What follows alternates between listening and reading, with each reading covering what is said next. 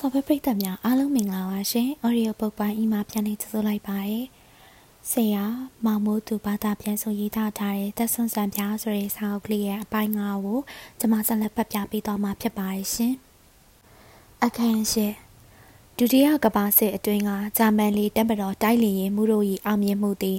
မဟာမိတ်တို့ထက်ထူးခြားစွာကျော်လွန်ခဲ့ပေသည်။ဂျာမန်တိုက်လေရင်မှုတို့၏အောင်ပွဲစင်းရဲမှာမဟာမိတ်တို့ဘက်အမေရိကန်တိုက်လေရင်မှုတို့ထက် 60စာကွာလှပေသည်တကယ်တော်ဝင်အတိအမှတ်ပြုထိုက်သောဂျာမန်တိုက်လေရင်မှု35ဦးတို့သည်ရန်သူလေရင်ပေါင်း150စင်းထက်အထက်ကိုပြစ်ချအောင်နိုင်ခဲ့သည့်အထိဖြစ်ပေသည်ထိုတော်ဝင်လေတရေစည်ရင်တွင်မက်ကူပန်မပါဝင်ခဲ့ပေအကြောင်းမှာသူသည်ဒုတိယကဘာစစ်ပြီးဆုံးသွားချိန်တွင်ရန်သူလေရင်146စင်းသာပြစ်ချနိုင်ခဲ့သောကြောင့်ဖြစ်သည် မက်ပထမဆုံးကောင်းကင်တိုက်ပွဲကိုဆင်နွှဲရသောအချိန်တွင် အသက်20သာရှိပြီးစပိန်ပြည်ပေါ်တွင်ကိုနီလင်ချင်းတိုက်လေရင်နှင့်ဖြစ်ပေသည်နောက်ပိုလန်ပြည်ပေါ်တွင် သူ့လေရင်ကြီးတီကသူကိုယ်တိုင်ကမူလေတီးနှင့်ခုံစင်းလွန်မြောက်ခဲ့လေသည်ဤသို့လေရင်ပြည့်၍လေထီးနှင့်ခုံစင်းလွန်မြောက်ခြင်းသည်မက်ဘဝ၌ရှစ်ကြိမ်တီတီကြုံဆုံခဲ့လေသည်ຫນွေဦးရာသည်ဗြိတိန်တိုက်ပွဲဆင်နွှဲနေသောကာလတွင်ကအောင်ပွဲသည် လက်တကမ်းများသာလိုပြီးတကယ်သို့သော အခြေအနေသို့ရောက်နေပြီသည်သို့သောမက်အဖြစ်ကအရှေ့ပိုင်းရုရှားစစ်မြစ်နှင့်ကိတ်မြို့နာတွင်1943ခုနှစ်ဇွန်လ12ရက်နေ့တွင်ပြစ်ချခံရကရန်သူရုရှားတို့၏ဖမ်းဆီးခြင်းကိုခံရပေသည်သို့တော်မက်သည်ရန်သူအကျဉ်းစခန်းမှထွက်ပြေးလွတ်မြောက်ကရန်သူတိုက်လေရင်တစင်းကိုခိုးယူ၍ပြည်တော်ပြန်နိုင်ခဲ့လေသည် ထိုလုံးရအောင်ပွဲကြောင့်တန်မဏိချက်ချေပေါ်တွင်ဝတ်တစ်ချရွယ်ဂုံတူးတစိတ်ကိုချီးမြှင့်ခြင်းခံရပေသည်ထိုစုမှာဂျာမန်အမျိုးသားတို့အတွက်အထူးဂုဏ်ယူထိုက်သောတစိတ်ဖြစ်ခဲ့ပေသည်မတ်တီတန်ရတန်ချက်များကြောင့်တိုက်ပွဲဝင်လေတရဲအဖြစ်အမှုမထမ်းနိုင်တော့သောအခါလေတယုံစပွဲတွင်တနစ်ခန့်အနားယူခဲ့ရပြီးသည့်နောက်1944ခုနှစ်တွင်ညတိုက်ပွဲဝင်လေတရဲအဖြစ်မောင်းခွင့်ရပြန်သည် 1944ခုနှစ်စက်တင်ဘာတွင်မက်တိုလူတိုက်သည် ထိုခေတ်အခါကကဘာပေါ်တွင်ခေတ်အမိဆုံးဖြစ်သည့် ME 262လေယာဉ်များမောင်းနှင်စမ်းသပ်ခွင့်ရလေသည်၎င်းနှင့်အတွင်အောက်တိုဘာ2ရက်အတွင်ဟမ်ဘတ်မြို့အနီးတွင်လေယာဉ်မီးလောင်ပျက်စီးခြင်းနှင့်ကြုံရသည်ဂျာမန်ဗိုလ်ချုပ်ကြီးဂိုရင်၏အထူးညွှန်ကြားချက်အရတကိုယ်လုံးမီးလောင်ကျွမ်းခံရသောမတ်ကိုဘာဘေးရီးယားအထူးကုဆေးရုံတွင်တက်ရောက်ကုသခံရသည် 1946ခုနှစ်မတ်လတွင်မှ အပြင်လောကသို့ထွက်ခွင့်ရလေသည်တာဗျူးကလပ်ဆန်နီယာခုံပေါ်တွင်ထိုင်နေသောမတ်သည်သူ၏ရှိရင်းဆွဲအသက်45နှစ်ထံငယ်ပုံရသည်နုညံ့ဤပြောင်းသောရွှေရောင်စပင်မျက်လုံးပြပြများကအမျိုးသမီးများကိုဆွဲဆောင်နိုင်သောရုပ်ရည်ဖြစ်နေသည်မတ်သည်အနက်ရောင်တိုက်ပွဲဝင်လေတရေဝစ်ဆောင်ဝတ်ထားပြီးအနားမှမိန်းကလေးများခြံရံ၍ကပွဲခမ်းမထက်အနှဲငယ်မြင့်သောဆန်နီယာခုံတွင်ထိုင်ကာ စိန်လူးဝေတန်းချင်းတချင်းကိုတီးခတ်နေလေသည်ထိုစဉ်ပေါကန်ဟမ်မန်းနှင့်မေယာတို့ကလထဲဝင်လာသည်ဟမ်မန်းကခမားတို့လူရဲ့လက်တံကအကောင်းစားပါလားမက်ကလည်းခမားစကားကိုသဘောတူမှာပါမက်ကသူ့ကိုယ်သူကြီးညာရမယ်ဆိုရင်ဂုံတူးဆောင်တန်ချက်ချေကက်ကိုတော့ထုတ်ဝစ်ခြင်းထုတ်ဝစ်မဲ့လူပြားမေယာကစပွဲတွင်ထိုင်ပြီးစပွဲတို့တယောက်ကိုလှမ်းခေါ်ရင်းကဲခမားတို့နှစ်ယောက်ဘာစားကြမလဲ ဘောက်ကန်းကဟန်မန်းကိုတစ်ချက်ကြည့်ကခေါင်းခါပြသည်ပြီးမှတောက်စရာတခုခုမှပေါ်ဝိုင်တောက်ပေါ်မောက်တီဇန်နီယာကုံမှာတိုင်ရင်သူတို့တတွေကိုလမ်းမြင်ကလက်ပြနှုတ်ဆက်လေသည်ဟန်မန်းကညတိုက်ပွဲဝင်ရတဲ့လေတရဲဟာတကယ်တတိလိုတာပဲနော်ဘောက်ကန်းကစီကရက်တလိပ်ကိုထုတ်ရင်းဟင်းဆပ်ဘရက်ဒေတာမှာရေခဲလျှောစီးခုံတဲ့နေရာတစ်ခုရှိရဲ့ဒီနေရာဟာရှေ့သိမ့်ကြတယ် စကိတ်စီးလျှောကြပြီး360မီတာအမြင့်ကခုံလိုက်တာနဲ့တပြိုင်နက်မြို့ရဲ့ဖျားရှိခိုးကြောင်းနဲ့တင်းញိုင်းကိုအောက်တက်တဲ့မှာအရင်ဆုံးမြင်ရတယ်။တကယ်ကျွမ်းကျင်တဲ့သူမှတင်းញိုင်းနဲ့ဓာတ်ရိုက်မရောက်ပဲရေခဲပြင်ပေါ်ကိုချောချောမောမောနဲ့ရောက်တယ်လေ။ပေါကန်ကစီကရက်ကိုမိညီကတက်ရှိုက်ဖွာပြီးမှမက်ကအခုတည်းအဲ့ဒီလိုရေခဲလျှောစီအမြင့်ခုံတဲ့အလုပ်ကိုအပျော်လုံးနေတော့မယ်။စစ်တုံးကဒဏ်ရာရခဲ့တာတွေမရေတွက်နိုင်တော့လို့သူ့မှာကြောက်တဲ့အကြောပြတ်သွားပြီထင်ပါရဲ့။ မက်တီဆန်နီယာတီးခြင်းကိုရပ်လိုက်သောအခါအကော်ဒီယန်သမားတူကဆက်လက်တီးမှုတ်သည်ကလပ်မှာလူစီကားလာပေသည်အများစုပရိသတ်သည်လူလက်ပိုင်းနှင့်လူကြီးပိုင်းဖြစ်ပေသည်မိန်းကလေးများသည်လည်း20ကျော်အစိပ်ပိုင်းအရွယ်တော်တက်ဆက်ဟိုင်းကဇာပြူးသူများသာတီးပေါကန်းကအချစ်ကိုအယောင်းဝယ်လာလောက်ကြတာလေဟမန်းကစဉ်းစားပြီးမှထူးထူးဆန်းဆန်းပေါ်ဗျာကျုပ်တို့သာသနာ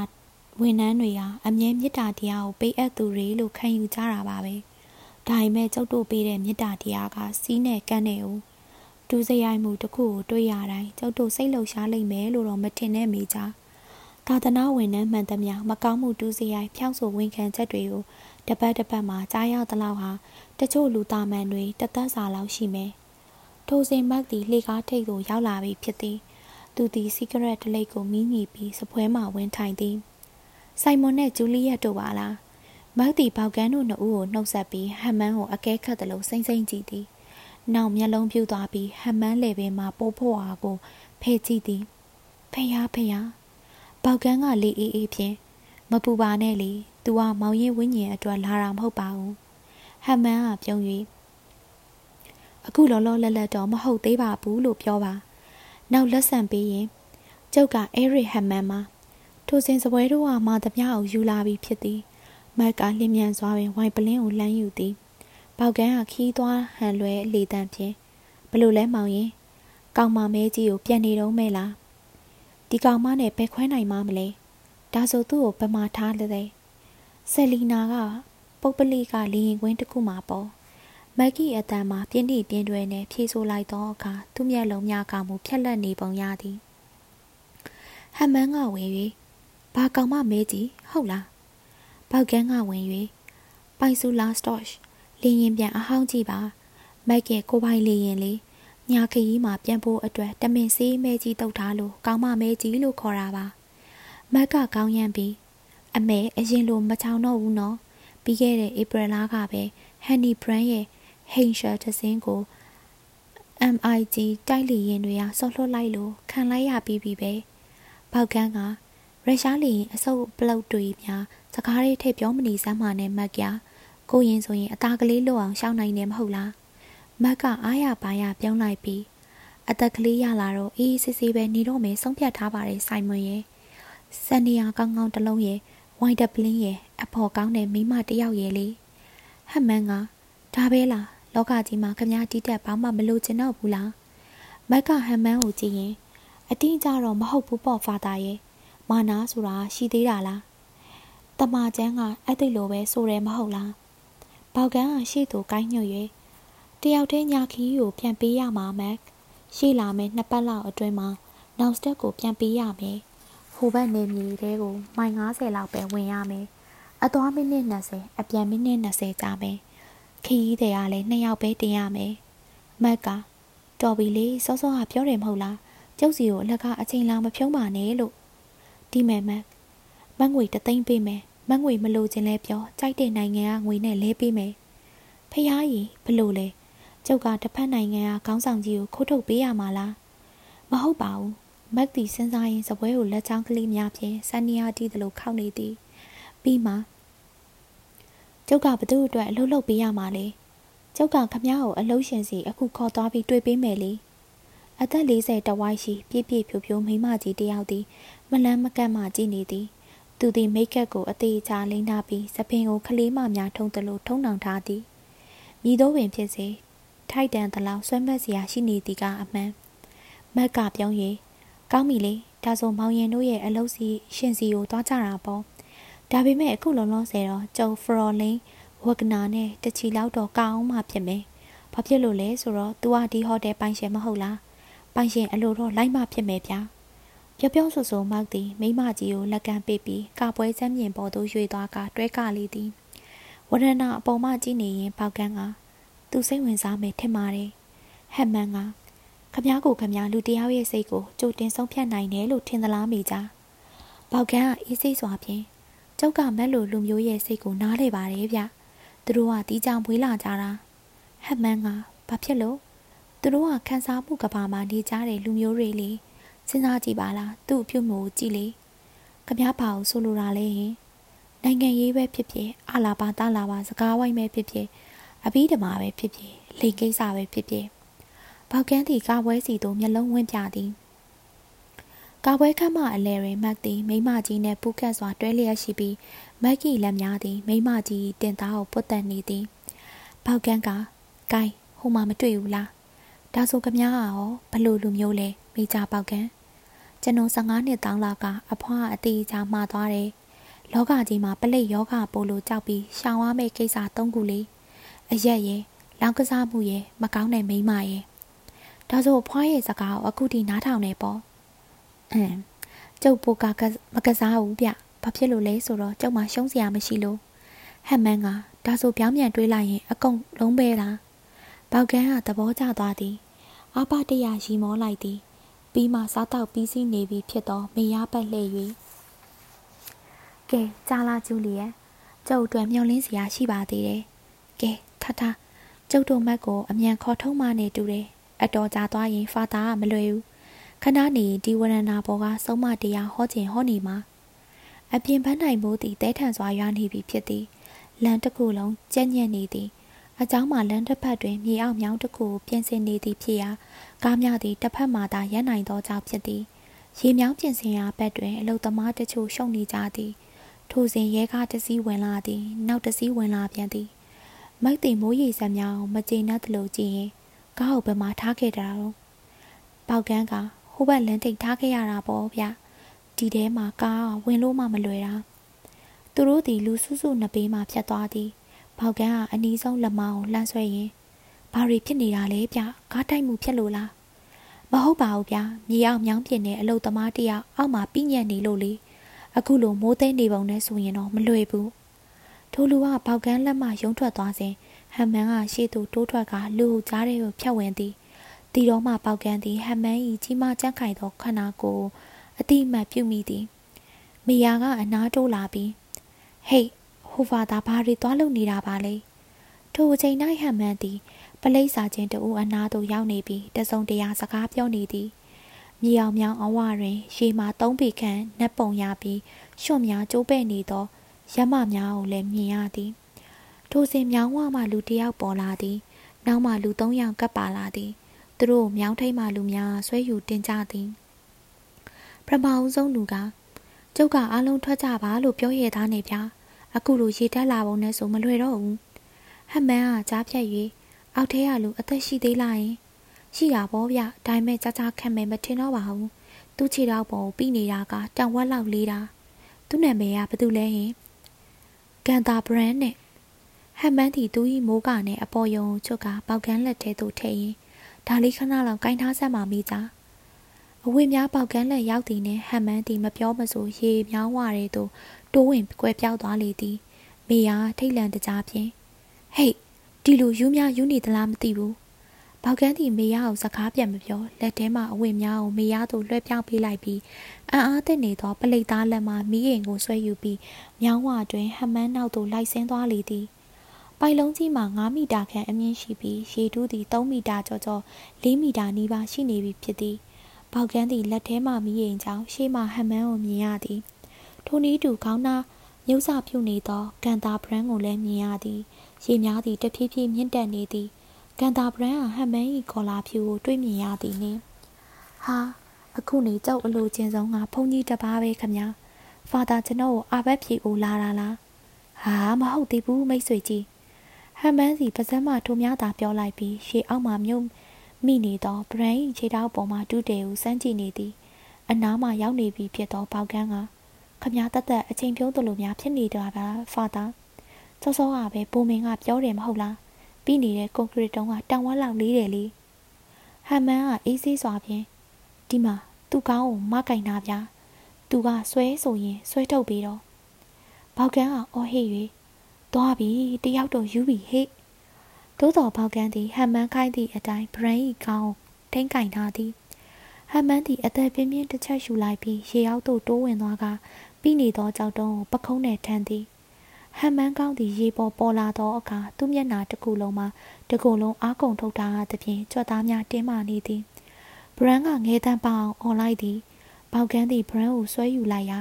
နောက်သို့ပက်လက်လန်ကြပြီးမိခွက်သည်ရေထဲသို့ကျကမြောင်းတစ်ခုလုံးမှောင်သွားသည်သို့တော်ဗရန်ပိနေခြင်းမှလွတ်မြောက်သွားပြီဆိုခြင်းကိုတော့သူသိသည်ခဏအကြာသူတို့မြောင်းဝသို့တိုးထွက်လာကြသည် အပြင်မှတန်အတော်ဖြစ်နေသောပရိသတ်ကဝိုင်းနေသည်လူတချို့မြောင်းထဲကိုဆင်းကသူတို့ကိုကူဆွဲတင်ကြသည်မိုက်တီဖောင်ကန်းကိုဆွဲယူမှတင်သည်ပေါက်ကန်းကတန်ဝက်လောက်လေးတဲ့ကြောက်တုံးကြီးကိုကျုပ်တို့လူကရေအောင်မာနေမတာပြို့တအံ့တော်ပြောလိုက်သည်တိုးစင်ဟမန်းသည်သူ့နှစ်ပေးမှပေါ်လာသည်သူ့တကိုယ်လုံးရွှဲနစ်နေပြီးရွှွန်များကမြင်မကောင်းအောင်ပေးချနေသည်မေယာကဟမ်မန်းကိုမိုးကအင်ကြီးလွှမ်းခြုံပေးသည် မေယာမျက်လုံးတွင်ကြည်ညိုချီးကျူးသည့်အကြည့်ဖြင့်ပြည့်နေသည်ခဏအတွင်းပြိတ္တတီဒဏ်ရာရလာသောဘရန်ကိုပြုစုရန်အာယုံဆိုင်နေကြပြီးစောင့်နေသောစေးရုံကားစီသို့တင်ရန်စူးစမ်းနေကြသည်ဟမ်မန်းက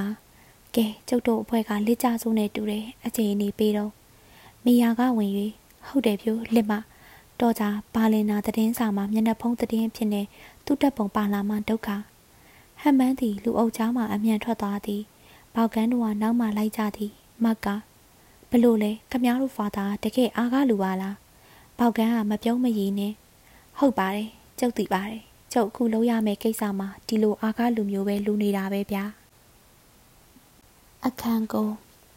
ဘာလင်လေချောင်းစင်းကြံပေါ်မှာရုတ်တရက်ထွက်လိုက်ပြီးတောင်ဘက်သို့ထိုးထွက်ကပေတထောင်အနှင်းအထိဆင်းပြီးအနောက်ဂျာမနီဘက်သို့နီးလာလေသည် စတော့လေရင်မောင်းလာသူမက်ကူဘဲနဲ့ပေချင်းရှင်ရဲ့ထိုင်နေသောဘတ်စကိုကကျွန်တော်ကိုယ်တိုင်တော့လေရင်မောင်းနေလူမဟုတ်ပါဘူးဒါပေမဲ့ဒီလေရင်ကြီးရတာမောင်းလို့ကောင်းပုံပါပဲနေပါအောင်1943ခုနှစ်မူဆိုလီနီတို့ကိုသွားခဲ့တော့ငါလေတရေစကော့စ်နီမောင်းတဲ့လေရင်မျိုးမဟုတ်လားဟုတ်ပါဗျာစစ်ပွဲနောက်ဆုံးဘက်ကဟန်နာရှ်တယောက်တည်းရုရှားအမြောက်ဆန်တွေကြားမှာဘာလင်မှာဆင်းခဲ့တဲ့လေရင်ပေါ့ ဗီတာဗီလေစိတ်မှာသူတို့အောက်တဲ့တဲ့သို့ရောက်လာပြီဖြစ်သည်ကူဘဲလ်သည်စတော့လေရင်ကိုလေချောင်းနဲ့ဆန်ရရွှေ့လိုက်ပြီးအောက်ရှိလေရင်ပြေးလန်းပေါ်သို့မောင်းချလိုက်သည်သူလေရင်ဆင်းပုံမှာတီးကြလာပေသည်အမဲအောင်မာစီဒီကားကြီးတစ်စီးသည်သူတို့ဟာလာကြုံနေသည်ဝါနာပူမလာသည်ကားမောက်သူနေရာမှာထိုင်နေသည်မောက်ဆက်ရက်လိုက်သောအခါသူတို့သည်ငြိမ်သက်စွာထိုင်နေကြသည်နောက်မှဘတ်စကိုကမင်းဒီလေးစိတ်ကိုစစ်အတွင်းကတော့မတုံးဘူးမလား မက်ကခေါင်းခပြသည်ဟင်းအင်းမတုံးဘူးပြေးလန်းချောင်းမီးတွေကကောင်းသေးဆိုဒီလိုအကြောင်းကြားထားတာပဲရေဒီယိုဆက်သွယ်ရေးလဲလေချောင်းမျှော်ခြင်းကနေတုံးလို့ရတော့မယ်တဲ့အတုံးလို့ရင်300အောင်ထားထားတာနေမှာပေါ့မောက်ကဘာလို့ဖို့လဲဌာနချုပ်ကငင်းနေတွေဟာကျုပ်တို့တတရအချိန်များကန်ကောင်းအောင်မယ်လို့မျောလင်းနေသေးသလားယင်မတီဒေါသထွက်လာသည်အေးဗျာကျုပ်အဲ့ဒီငနေတွေကိုတိတ်မုန်းတာပဲစပွဲနောက်ကထိုင်နေတဲ့လူတွေကိုလေ ဘတ်စကိုကဟုတ်လားကျုပ်လိုလူမျိုးတွေကိုပေါ့ဟုတ်တယ်ပရိုဖက်ဆာခမည်းအတိုင်းပဲယူနီဖောင်းမဲ့လွဲတာပါဘတ်စကိုကခေါင်းဆက်ပြီးထားပါတော့လေအခုလောလောလတ်လတ်အလုပ်ကိုပဲပြန်စိတ်ဝင်စားကြရအောင်လားအခုလိုကြုံပြောတဲ့အတိုင်းနောက်စတက်ကနေပြီးညာခီးကိုမောင်းပြလို့ဖြစ်ပါမလားပြဿနာမရှိပါဘူးအရှိဂျာမနီက ING တိုက်လေရင်တွေကအမြဲဥတဟုစောင့်နေရနော်သူတို့ရောစိတ်မပူဘူးလား မပူတော့ဘယ်ရှိမလဲပူတာပေါ့ဒါပေမဲ့သူတို့ရဲ့ရေဒါတွေကအနှိမ့်ပြန်တာတွေ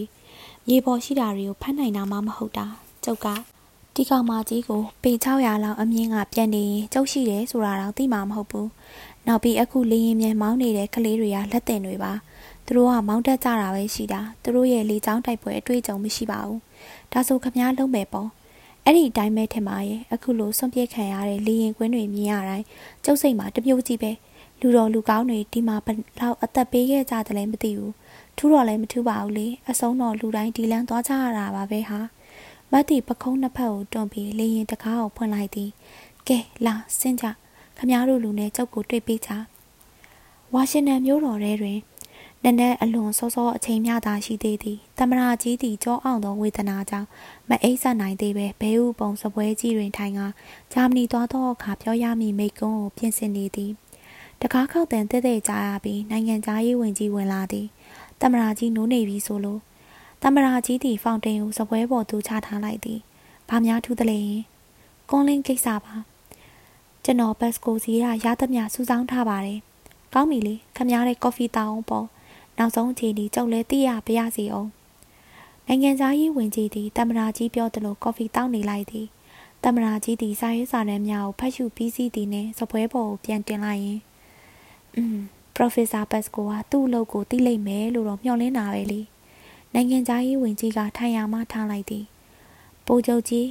ဂဲလန်ကလည်းတမရာကြီးပြောတဲ့အတိုင်းအနောက်ဂျာမနီအတီးပတိကြီးကိုအကျိုးအကြောင်းပြောပြပါပြီလောလောလတ်လတ်လုံနိုင်သမျှအကုန်အစင်ပါပဲကောင်းပြီလေလိုအပ်လာရင်ကျုပ်ကိုအတိပေးပေါ့နိုင်ငံသားရေးဝန်ကြီးအပြင်သို့ပြန်ထွက်သွားသည်တမရာကြီးသည်ပဒင်းပေါက်ရှိရာသို့သွားပြီးအခန်းစီကိုဖယ်၍အပြင်သို့ကြည့်လိုက်သည် အပြင်ပန်း၌အလင်းရောင်မရှိသေးအမောင်ဖုံးဆဲဖြစ်၍ဘာမှမမြင်ရအကြောင်းမရှိပါဘဲနဲ့တမရာကြီးစိတ်၌အားငယ်သည်စိတ်အားငယ်ခြင်းသည်ပင်သူ့အမြဲရင်ဆိုင်ရတတ်သည်မဟုတ်ပါလားသူသည်စပွဲကုံမှာပြန်ထိုင်ပြီးရေးလက်စာမိတ်ကွန်းကိုဆက်ရေးလိုက်သည်လွတ်လပ်ရေးဆိုတာနိုင်ငံတိုင်းမှာလမ်းဆန်းပွင့်ဖူးပါမှတည်တံ့ခိုင်မြဲမှာတနေရာတတိုင်းပြည်ထဲမှာသာပွင့်ဖူးလန်းဆန့်လို့ရနိုင်တာမျိုးမဟုတ်ဘူး ညနေ3နာရီအချိန်ကန့်တွင် ကုံထုတ်သမားဝါရမမကုံကားတစင်းသည်နောင်စတက်ရွာစားပွဲရုံရှိမှထိုးရက်လိုက်ပြီးကားပေါ်မှကွန်ရက်ဆင်းလာသည်မျိုးတော်ဝင်ဂရိရှ်အာလင်ဂျ်နဲ့ဘက်ကာတို့နှစ်ယောက်သည်ဆိုင်ရှိမှရက်နေကြရာမှာမျိုးတော်ဝင်ကလက်ပြပြုံးနှုတ်ဆက်ပြီးဘလို့လဲပြန်လာပြီလားကွန်ရဲ့ထိုစဉ်အမဲအောင်မစီတီရုံသုံးကားတစ်စီးသည်မြို့တော်ဝင်ရှင်ပြင်မှဖြစ်၍အရှိန်နှေးပြင်းစွာဖြင့်မောင်းသွားသည် ကားကိုဟယ်ရီဘင်ပူရင်ကမောင်းပြီးဘေးမှယူနီဖောင်းဝတ်အမျိုးသမီးတူလိုက်ပါသွားသည်ဘက်ကကလှမ်းကြည့်ရမှာဖျားရည်အဲ့ဒါမျိုးပေါ့ကျုပ်တို့ဆက်ရလက်သက်လေဘယ်နဲ့တည့်ရစောပြီးပြန်ရောက်လာပါလေကျုပ်လည်းပြန်မဖြိုးပြောပြောဆိုဆိုပင်အနားမှရက်ထားသောပစ်ကတ်ထရက်ကားတစ်စီးပေါ်သို့တက်ပြီးအမြန်ထွက်သွားလေသည်မြို့တော်ဝင်ကအနားရောက်လာသောကွန်ရက်အားလှည့်၍တကယ်တနာစရာဟိရစ်ပဲဖြို သူ့ဘဝမှာတော့တစ်ခုပြီးတစ်ခုဆက်နေတော့တာပါပဲဗျာဒါထက်ဘာလင်ရောဖြိုဘယ်နဲ့နေသေးလဲကွန်ရက်ကဘာလင်ကားတော့ဗျာထုံးစံအတိုင်းဘာလင်မှာပဲခမအမတော်ကောထူးမခြားနာပါပဲဗျာဒါထက်ကျုပ်သွားနေတော့ဒီမှာဘာများထူးခြားသေးသလဲရဲတိုက်ကြီးအပြောင်းလဲကြောင်ကျုပ်တို့ဝင်းကျင်မှာပြောင်းလဲသွားသေးလားထူးခြားတယ်လို့မဆိုနိုင်ဘူးဗျာရဲတိုက်ကစစ်သားတချို့တော့ဒီမှာလာပြီးစားတောက်တာလောက်တော့ရှိတာပဲတာဝန်ခံကတော့ကပတိန်ဆူစမန်းဆိုတဲ့လူဗျ သူ့လက်အောင်စာကျင်မေဂျာကဘက်ကားဆိုတဲ့ငနေဗျလူပုံကစိုးလိုက်တာဗျအဲ့လေဒါမျိုးဆိုတာကလည်းဒီလိုပါပဲကဲပါခမကော်ဖီတောက်ဖို့အချိန်ရသေးသလားကျေးဇူးပါပဲဗျအခုတော့တော်ပါပြီနောက်တော့စုံအောင်မှာပါလောလောလတ်လတ်ကျုပ်ချန်တဲ့ကအခြေအနေတွေသိကျင်သေးတယ်ဗျာကြော်ပြောဆိုဆိုပင်ကွန်ရက်သည်ခြံပတ်သို့ထွက်သွားခဲ့လေသည်မာဂရက်ကင်ပဲသည်ပဒင်းပေါက်နှစ်ပေတွန်းလှဲကလတ်ထိုင်ပေါ်တွင်ထိုင်ကစာဖတ်နေသည် ကွန်ရက်ဝင်လာသည်ကိုမောကြည့်၍မြင်သည်နှင့်သူမမျက်နာမှာမိုးစမ်းပန်းလိုလန်းသွားသည်ဖက်လက်ဆဆအုပ်ကိုကြပြကြရနှစ်ပေးချလိုက်ပြီးလက်ကန်းဆန်ပေးသည်ကွန်ရက်ကမင်းကြည့်ရတာလဲလန်းဆန်းပုံရပါတယ်လမ်းမလျှောက်ရသေးဘူးလားနည်းနည်းလျှောက်နိုင်ပါပြီဒါရီထားဆန်းပါလေဘာရီများထူးခြားခဲ့သေးလဲဟင်ကိုရဲသည်ပဒင်းပေါက်နာသွားပြီးအပြင်ဘက်မှရဲတိုက်စီကိုလှမ်းမြော်ကြည့်သည်သူပြန်ရောက်လာပြီသူဟုတ်လားဘသူလဲရင် ဘင်ပူရင်းပေါ်ကျုပ်ရွာထိပ်မှာရှိနေတော့ကားချင်းဆောင်လိုက်တယ်သူနဲ့အတူအတူတက်ပွဲ Lieutenant တယောက်လည်းပါသွားတယ် Lieutenant ကမိမဖြိုကိုရက်ကစကားတစ်ပိုင်းဖြက်ကနောက်ပြန်လဲ၍မာဂရက်ကိုကြည့်ရင်အော်ကျုပ်မင်းရဲ့မိသားပေါက်ခန်းနဲ့လည်းတွေ့ခဲ့ပါတယ်ရှင်ကျမရဲ့မိသားပေါက်ခန်းဟုတ်လားမာဂရိပါပြန်တွင်သွေးရောင်လွှမ်းသွားသည်ဘာမှတတိမမူမိသလိုနဲ့ကွန်ရက်ကအင်းလေမိချာပေါကန်လို့ပြောတဲ့လူပေါ့ လူကတော့လူစုလူတန်းမတဲရောက်ပါပဲသူ့အနေနဲ့ကရောဘာများလုံးနိုင်မှာလဲရှင်ဒါကတော့မင်းကိုယ်တိုင်တွေးရမှာပဲမေးကြည့်ပေါ့အစီအစဉ်အတိုင်းပြောရမယ်ဆိုရင်နှက်ပြန်ကားညာလောက်သူရောက်လာမှာပဲဟာမာဂရက်မျက်နာသည်သွေးဆုပ်သလိုဖြူရော်သွားသည်သူမ၏လက်များကို ရှေ့သို့အငမ်းမရဆန့်တွန်းကားဟုတ်လားပြောစမ်းပါအောင်ရှင်အစားအဆုံးကျမရေးလေလေသိရအောင်ဖင်ပူရင်းကဘက်ကပြသည့်အခန်းမှာ လေကားထိပ်ရှိခမ်းမကျဲကြီးရှိရာသို့သွားမည်လမ်းထိပ်ရှိရုံးခန်းပင်ဖြစ်သည်အခန်းမှာမူလာရုံးခန်းလောက်ခန့်ဟန်ရှိပြီးဘာမှမရှိသောမိဖို့နေရာလေးရှိသည်ပင်ပူရင်းကအခန်းကတော့အစဉ်အပြေဆုံးပါပဲအဲကျုပ်တို့ကိုမီးဖို့မီးကွက်ကလေးမှုေးပေးလိုက်မယ်ဆိုရင်တော့အားလုံးပြေဆုံးသွားမှာပါပဲဘက်ကကဟုတ်ကဲ့ခမညာဒီအခန်းကတော့အမြဲတမ်းဒီရဲတိုက်ရဲ့အုပ်ချုပ်ရေးမှုအရာရှိရုံးထိုင်တဲ့အခန်းပဲ ဂျာမန်လက်ထက်တွေအားလုံးမှာရောရုရှားတွေဝင်လာတော့ငါရောပေါ့ဘင်ပူရင်းသည်စပွဲမှအန်ဆွဲများကိုဆွဲယူရှာဖွေရင်းပြုံးလိုက်သည်သူ့လက်ထဲတွင်ကရုရှားလုံးနက်နက်သီးပုံလက်ဖြစ်ပုံတစ်လုံးဘလို့လဲကွာဒီရန်ဆွဲထဲမှာဒီလိုလက်ပစ်ပုံတွေတရာစင်လောက်ထည့်ထားတဲ့သဘောဟာဒီမှာတာဝန်ကျသွားတဲ့နောက်ဆုံးပုဂ္ဂိုလ်ဟာတကယ်စိုးရိမ်ကြီးတဲ့လူပဲနဲ့တူတယ်။ဘယ်တော့မှမိုးဘော်ကနေဝင်းထဲကိုမိုးလင်းတာနဲ့လေထီးတက်သားတွေဆန်းလာမလဲဆိုပြီးအောက်မိနေသလားမသိပါဘူးကွာ။ ရဲတိုက်ဆောက်ဘက်ကသည်ပင်ပူရင်းပြက်လုံးများကိုမရည်ရဲပါ။အခန်းတောင်တနေရာမှာတကားချက်တစ်ချက်ပွင့်ဖွင့်ပြရင်နောက်ခွင့်ရေးကဒီမှာခမ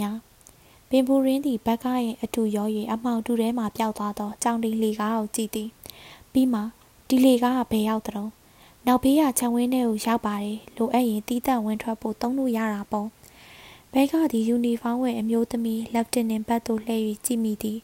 ပင်ပူရင်းကအေးဆက်စွာပင် လက်တင်နင်လီပါအတွက်တခန်းလုံအောင်မဲကွာ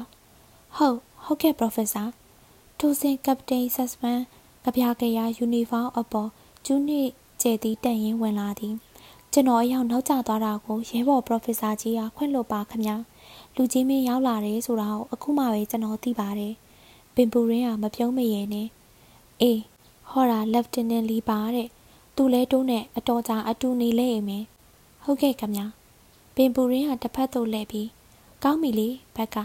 အမျိုးသမီးကိုအကောင်ဆုံးအဆဆရရဖြစ်အောင်စီစဉ်ပေးလိုက်ဘိုက်ကသည်အမျိုးသမီးလက်ဆွဲအိတ်ကိုယူ၍ရှေ့မှထွက်သွားသည်အမျိုးသမီးလက်တင်ကနောက်မှလိုက်သွားသည်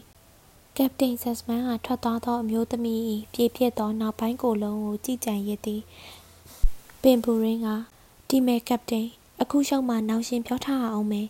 ဒီအမျိုးသမီးစစ်ဘဝမောင်ရင်တို့တက်နဲ့ဘာမှမဆိုင်ဘူးဒါပေမဲ့ကျောက်ကွန်းလင်းကိုစစ်ဆေးဖို့လိုရမှာအရေးကြီးလို့ခေါ်ထားတယ်လို့မှတ်ထားဟုတ်ကဲ့ခင်ဗျာပရိုဖက်ဆာကြီးပြောတဲ့အတိုင်းမှတ်ထားပါမယ်ဒါထက်ကောင်းလေးအခြေအနေရောဘယ်နဲ့နေလဲမပြောတတ်ဘူးကဗျာပရိုဖက်ဆာအမိန့်ရှိတဲ့အတိုင်းသူ့ကိုလုံးဝမဆက်သွယ်ပဲဒီအတိုင်းပဲဖြစ်ထားတာပဲကောင်းပြီလေဒါဆိုကျုပ်ကိုအခုသူ့စီလိုက်ဖို့သူတို့အောက်ဆုံးတတိယဓာတ်သို့ဝင်လိုက်ကြသောအခါအေးဆက်ဆိုထိုင်းနေပြီဖြစ်သည် အချင်းကန်းအပြင်နေရန်မှာစောင့်နေသောအဆောင်သည်စောင်းတွင်အနှွေးကုတ်ကိုဝေ၍လေဘဲမှသုံးမွေးမာဖလာကိုပတ်ထားသည်ဆက်စမန်ကအဆောင်အားဘာသတင်းထူးပို့စရာရှိသလဲမရှိဘူးခမဘာတမ်းမှလည်းမထွက်ဘူးအဆောင်သည်အမိန်တိုင်းတကားဖွင့်လိုက်သည်ပင်ပူရင်းကခေါင်းချို၍ဝင်ကြည့်သည်အခန်းထဲမှအနံဆိုးထောင်းကနေထွက်လာသည်ကပတိန်ဆက်စမန်ကထင်မြင်ချက်အပြင်တည်များတည်နေမလားမသိဘူးနော်ပင်ပူရင်းကအခန်းတစ်ခါကိုစောင့်ကန်ပိတ်လိုက်သည် မသိပါဘူးကွာငါသိပါတယ်ငါဒါမျိုးဆိုရင်အလိုလိုသိတတ်ပါတယ်သူ့ပုံစံကငါလိုချင်တဲ့အတိုင်းဖြစ်နေပါပြီမနှက်ဖြန်သူ့ကိုလှုပ်ရှားရည်အများကြီးပဲဟိမာဂရက်ကင်းပဲသည်ထုံးစံအတိုင်းပဒင်းနှစ်ပေတွန်းလဲကလတ်တိုင်းပေါ်မှထိုင်ရင်ပရိုဖက်ဆာနော်တန်ဤစီးစီရင်ခန်းစာကိုဖတ်နေသည်ပရိုဖက်ဆာ၏အစီရင်ခန်းစာမှာပြည့်စုံတိကျလာပေသည်မာဂရက်နောက်တစ်ခေါက်ပြန်ဖတ်ပြီးခဏစဉ်းစားလိုက်သည်နောက်မှကောင်းထဲမှာအစီအစဉ်များရာထားလိုက်ကြည့်လိုက်သည် တင်းကြရောက်မှဖြဲ့၍ဥမင်တူးရတဲ့အခက်ခဲများစွာမရှိနိုင်နေရာသည်မြင့်နဲ့ဝေးလာသဖြင့်ဆိုးဆိုးသောမြေပြော့များဖြစ်နိုင်ပါသည်နေရာဝင်းကျင်မှာလူလက်တန်းစားများသာဖြစ်သဖြင့်ခေါင်းများမှာများသောအားဖြင့်တစ်သားခေါင်းများဖြစ်၍တန်ကောင်းတထုကောင်းများဖြစ်နိုင်ဖွယ်ရာမရှိပါအကယ်၍မြေအောက်တူဖို့ရသည့်အဖွဲ့အနေနဲ့လက်တလောတင်းချိုင်းမြေအောင်ဆိုလိုသည်မှာပြီးခဲ့သောတစ်နှစ်အတွင်းက ကူအောက်သို့တူးရခြင်းနဲ့စုံစည်းမိပါကစိတ်မချမ်းမွေ့ဝယ်ရများနဲ့ကြုံတွေ့နိုင်ပါသည်တစ်သားခေါင်းကမူဖိနှက်မှုကြောင့်ခြေမွပျက်စီးနေလောက်ပြီးဖြစ်သည်ခန္ဓာကိုယ်သည်လည်းကြည်ပြတ်၍အနံ့အရည်များမှာမြေတူးတဲတွင်စိတ်ဝင်နေနိုင်သည်ဖြစ်ရာမြေအောက်၌တူးဖော်ရမည်သူများကူးဆက်ယောဂရနိုင်မည်ဖြစ်သည်ထို့ကြောင့်လိုအပ်သောကြိုတင်ကာကွယ်မှုများပြုလုပ်ရပေမည်တင်းញိုင်းမြေမြုပ်သတ်မှတ်အနက်ပေ6ပေဖြစ်သည် သို့သောအရှိဂျာမနီဤအပိုင်းဒေသ၏အလေးအထားမှာကိုဝေအထိရှိရာအနက်အသက်အညစ်အထေးများကိုဆက်နက်ပေအနက်အထိပေါက်ရောက်နိုင်သည်ဟုသတ်မှတ်ယူဆနိုင်လေသည်ရဲတိုက်စီလာသောရေနှုတ်မြောင်းသည်အနည်းရဲ့ဒေသဖြစ်သည်ရေနှုတ်များကိုအသုံးပြုစဉ်ကမြည်သည့်အနှုတ်အသိမ်းများပြုလုပ်ခဲ့ကြောင်းကိုအခြေပြု၍ကြိုတင်ကာကွယ်မှုပြုရမည်များသောအားဖြင့်ကာဗွန်ဒိုင်အောက်ဆိုက်ဓာတ်ငွေ့များမီသိန်းဓာတ်ငွေ့များနှင့်မီခိုမိုင်းစားသည်တို့များရှိနိုင်ပေသည် ကာဗွန်ဒိုင်အောက်ဆိုက်သည်အသက်ရှူချက်ခြင်းဖြစ်နိုင်၍မီသိန်းဓာတ်ငွေ့အနေနဲ့အသက်ရှူချက်ခြင်းအပြင်မီးတောက်မီးစာများပောက်ကွဲမှုအထိဖြစ်သွားနိုင်သည်မိဘွားမိစများချိုတင်ထိမ့်သိမ်းရန်လိုအပ်ပေသည်မူဝေခြင်းအော့အန်ခြင်းများအစရှိသောဝေဒနာများသည်အသက်အရွယ်ကျန်းမာရေးအနေအထားလိုက်ဖြစ်ပွားနိုင်ပေသည်သေးငယ်သောထိခိုက်ရှားမှုများမှာယောဂပိုးများအလျင်မြန်ဝင်ရောက်နိုင်၍ချက်ချင်းစေဝါကုသရန်လိုအပ်ပေသည် အစစအရာရာကြိုတင်ပြင်ဆင်၍12နာရီအတွင်းကုသပေးမှုလိုအပ်ပေသည်မာဂရက်သည်အစီရင်ခံစာကိုသူမပေါင်ပေါ်ပြန်ချပြီးစဉ်းစားနေလိုက်သည်ထိုစဉ်အခန်းတကားပွင့်လာပြီးကွန်ရက်ဝင်လာသည်ကွန်ရက်ကအားလုံးအစင်သင့်ဖြစ်ပြီလားအစင်သင့်ပါပဲကွန်ရက်သည်မာဂရက်၏တွန်းလှဲကိုတွန်းဆွဲကအခန်းပြင်သို့ထွက်လာခဲ့သည်သူတို့အားလုံးမှာမီးပိုကန်ထမင်းစပွဲမှာဝိုင်းထိုင်နေကြသည်ဘရာသာကွန်ရက်ကမာဂရက်၏တွန်းလှဲကိုတွန်း၍ဝင်လာသည် စပွဲဝိုင်းမှာထိုင်နေကြသူများကိုကြည့်ပြီးမာဂရက်တုံ့လှုပ်သွားသည်ဖះကြီးသူတို့တွေအားလုံးဟာတက်ကြီးရွယ်အိုတွေကြီးပါလားသူတို့ဒီလုံးရက်ကြီးကိုဖြစ်မြောက်အောင်လုပ်နိုင်ကြပါမလားသူတို့ထဲတွင် Frank တယောက်ကတော့မူထားပါတော့သူသည်အသက်16နှစ်လောက်သာရှိသေးပြီးကျွဲပေါက်တကောင်လိုတန်ဆွမ်းသူဖြစ်သည်ဖလိုရင်ဂီကောဩဂတ်စတင်တို့မှာအရွယ်လက်ဖြစ်ပြီးအရွယ်ကိုစည်ရင်ဝင်များဖြစ်ကြပြီး ဘရာသာအာဘင်ကမူစည်ရင်ထဲ့သွင်းရန်မီခက်လာသည်အသက်လဲကြီးအရွယ်ကလည်းအိုးကြမ်းကြမ်းတမ်းတမ်းအလုပ်ကိုမဆိုထားနဲ့ရိုးရိုးအလုပ်ကိုပင်ပင်ပင်ပန်းပန်းလုပ်နိုင်မှုမပေါ်သူတို့အားလုံးမှာစိတ်ဝင်စားစွာစောင့်နေကြသည်မာဂရက်ကဘရာသာကွန်ရက်ကရှင်တို့အားလုံးရဲ့ဆုံးဖြတ်ချက်ကိုပြောပါပြောပြပြီးပါပြီအလွန်စရာထက်သန်ကြလို့ကျင်းနဲ့အားရစရာကောင်းလာပါတယ်ဒါပေမဲ့လောက်ရမယ့်အလုပ်ကပင်ပန်းကြမ်းတမ်းမှမဖြစ်နိုင်ကြပါမလားယင်ဘရာသာကွန်ရက်က အိုးဘယ်နဲ့မဖြစ်နိုင်ရမှာလဲသိဖြစ်နိုင်တာပေါ့ဂရက်ကိုကစစ်တုံးကအင်ဂျင်နီယာတယောက်ပင်သူကအဲ့ဒီအလုပ်ကိုဖြစ်နိုင်တဲ့လောက်ရှိတယ်လို့ပြောပါတယ်ဘရာသာဂရက်ကိုကဟုတ်ပါတယ်မြေကမြေပြောမြေနုပဲတူးလို့ဖောက်လို့လွဲပါတယ်ကျုပ်တို့စီကအသားတို့အသားစားတွေအပြင်တန်ပြားတန်နိုင်တွေကလည်းပေါ်ပါပြီးနဲ့နဘေးကိုထိန်ပြီးဥမင်ဖောက်ဖို့ဘာမှမခက်ပါဘူးမာဂရက်ကသူတို့အားလုံးကိုကြည့်၍အသက်ရှူဖို့လေကောင်းလေတန်အခက်ခဲရောမရှိနိုင်ဘူးလား ဒီလောက်အနက်မှာတော့မရှိနိုင်ပါဘူးဥမင်ကလည်းတိတ်ရှိကြီးမှမဟုတ်တာပထမတရက်နှစ်ရက်ပဲလုပ်ငန်းဘလောက်တွင်တယ်လဲဆိုတာကိုသိဖို့လိုမှာပါကျုပ်အထင်ပြောရရင်တော့ရက်သက်သက်ပတ်နှစ်ပတ်လောက်ဆိုရင်ပြီးမှာပါဒါထက်စောချင်ရင်လည်းစောအောင်မယ်မာဂရက်တီငင်းခုန်ရန်မရှိတော့ပါကောင်းပြီလေဒါဆိုလောက်ကြတာပေါ့အေးတခုတော့ရှိရဲ့ကျမတို့ကတင်းချိုင်းနဲ့ရဖြတ်တူးရမှာရှိတယ်မဟုတ်လားဒီတော့ကျမရေးမညီညွတ်စေတဲ့အကြောင်းတွေနဲ့ဆုံရမှာတော့သိကြတာပဲ ဘရာသာကွန်ရက်ကဘာလင်သူတေသနာစီအစီရင်ခံစာတစ်ခုကိုယူလာခဲ့တယ်အဲ့ဒါကိုကျမတို့အားလုံးအခုကတည်းကကြည်ကြည်ညံ့ညံ့နားလည်ဖို့လေးလာထားကြအောင်နော်ဖာသာကုန်းလင်း၏အချုပ်ကန်းတကားပေါက်အောက်ချိန်မှာခွေးတိုးပေါက်ကဲ့သို့ဖောက်ထားသောအပေါက်ကလေးကပွင့်ဟနေသည်အလင်းရောင်ပြပြကလေးလင်းသွားပြီးအစားအသောက်ပကံတစ်ခုကိုတွန်းလာသည်ခွေးတိုးပေါက်တန်ပြားသည်ပြန်ပိတ်သွားသည်ကောင်းလင်းသည်ငြိမ်သက်စွာစောင့်နေလိုက်သည် ခဏအကြာတွင်အမောင်တူထဲမှထမင်းပို့ချိန်တိုင်းလာမြဲဖြစ်သောအထီးကျန်ကျွဲ၏လှုပ်ရှားတံကိုကြားရသည်ကြောက်စိတ်သည်သူ့ရင်ထဲတွင်လျင်မြန်စွာတိုးဝင်လာသည်နှင့်နီးတူယခုလည်းလျင်မြန်စွာထွက်ပြေးလေပြီသူသည်တူးရဲတိုးတိုးလေးရေရွတ်လိုက်သည်အခြေအနေရတုတ်ပြန်လှုပ်ရှားမှုပဲမိတ်ဆွေကြီးပတ်ပလော့များတည်ရင်ကျိနေနေအောင်မလားထို့နောက်သူသည်ကုဖြစ်ပေါ်သို့ပြန်လှဲချလိုက်သည်သူ့လက်အစုံကိုပိုက်လိုက်သည် နောက်သူ၏ရုံးခန်းအကြောင်းစိတ်ထဲမှပြန်တွေ့ရင်တခုချင်းပြောဆိုနေလိုက်လေသည် Frozen ဒေသ၌ကအမောင်တူသည်တိတ်သီးထူတက်စာပြုလေပြီးလေးလံသောလေတော်သုံးထရက်ကားတစ်စီးသည်အနောက်ဂျာမနီဘက်မှဂိတ်ကိုကျော်၍ဂျားကန်ဒေသကိုဖြတ်ကာတစ်ဖက်ဂိတ်တန်းတွင်ရပ်နေလိုက်သည်တပ်သားဟွန်စတိန်သည်ရိုင်ဖယ်ကိုပခုံးတွင်လွှဲရင်းရက်ဆောင်နေသည်ကင်းတဲတကားပွင့်ပြီးပီတာပူလောထွက်လာကထရက်ကားနားသို့ရောက်လာသည် ဝါနာဘုံမလာသည်ကားမောင်းလာသူဖြစ်သည်သူသည်စစ်သုံးအုပ်တုပ်အဆုပ်ကိုဆောင်းကပေးချန်နေသောအပေါ်ကုတ်အင်ဂျီကိုဝတ်ထားပြီးမုတ်စိတ်ကျင်ဆွဲများမှထိုးထိုးထောင်ထောင်ဖြစ်နေသည်သူသည်စကားတခုံးမှမပြောဘဲစာရွက်စာတမ်းများကိုထုတ်ပြလိုက်သည်ပူလောသည်စာရွက်စာတမ်းများကိုစစ်ဆေးကြည့်ရှုပြီးနောက်ပြန်ပေးလိုက်သည်နောက်ဂိတ်တန်းနှစ်ပေမှာဟွန်စတိန်အားခေါင်းငိမ်ပြလိုက်သည်ဟွန်စတိန်အားဂိတ်တန်းကိုမပေးလိုက်သောအခါဘုံမလာကားမောင်းထွက်လိုက်သည် ထွက်ကားသည်10မိနစ်ခန့်မောင်းနှင်လာပြီးသည့်နောက်ထူထပ်သောတောဆက်တနေရာလမ်းကျင်းကလေးတစ်ခုဘေးတွင် ထိုးရက်လိုက်သည်ပုံမလာသည်ရှေ့ကမ်းမှဆင်၍ကားနောက်ပိုင်းသို့သွားသည်ပြီးနောက်မီးမှတကားကိုဖွင့်ချလိုက်ပြီးနောက်မီးတက်ကားသည်လန်နဘေးကကပူပေါ်သို့တထားခင်းလိုက်သလိုတင်သွားသည် ထိုစဉ်အတွင်းမှစနိုးတန်ုံကြားရသည်မိသားပေါကန်းသည်ကော့ဆက်မော်တော်ဆိုင်ကယ်ကိုထရက်ကားပေါ်မှမောင်းဆင်းလိုက်ပြီးမြေပြင်ပေါ်သို့ရောက်သည်နှင့်ဘရိတ်အုပ်လိုက်သည် သူသည်အရှိဂျာမန်တပ်သားယူနီဖောင်းကိုဝတ်ထားပြီးအပေါ်မှစာပိုးဆိုင်ကယ်စီအောက်ခမောက်ကိုစောင်းထားသည်စိုက်ကယ်စီးမျက်မှန်ထူကြီးမှာမျက်နှာဖုံးမတက်ပဲတက်ဆင်ထားလေသည် သူ့ရင်ပတ်ပေါ်တွင်ဆလွယ်တိုင်းထားသည်ကခောက်ကျိုးထားသော AK47 မောင်းပြန်တဲ့နက်တွင်ကြည်စဲ3ကြည်စံ30ပါသောကြီးကပ်သည်အသင့်တက်လျက်အလွယ်တကူအသုံးပြုနိုင်ရန်အစဉ်သင့်ဖြစ်သည် ကားစရာပုံမလားကခမားပုံအားချောစာဖို့သမားပုံပေါက်သားပဲပေါက်ကန်းကပြုံး၍ရန်သူကလည်းအဲ့လိုထင်ပါစီလို့ဆူတောင်းရတော့မှာပဲဗျာကဲမနှက်ဖြတ်မှာတွေ့ကြစို့စီစဉ်ထားတဲ့အတိုင်း17နာရီခွဲမှာပေါ့ကျုပ်ခမားတရစ်တဝဲလေလေစောင့်မနေရအောင်စူးစမ်းပါမယ်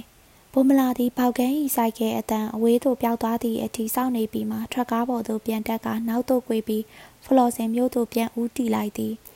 ပေါက်ကန်းသည်ဆိုင်ကဲကိုမှမှန်စီးလာခဲ့သည်သူ၏ဆိုင်ကဲ၏ရှေ့မီးရောင်သည်ရှေ့မှအမောင်ထုကိုဖြုတ်ခွင်း၍လမ်းနှစ်ပေမှထင်းရှူးပင်များစီသို့ဖြာလင်းနေသည်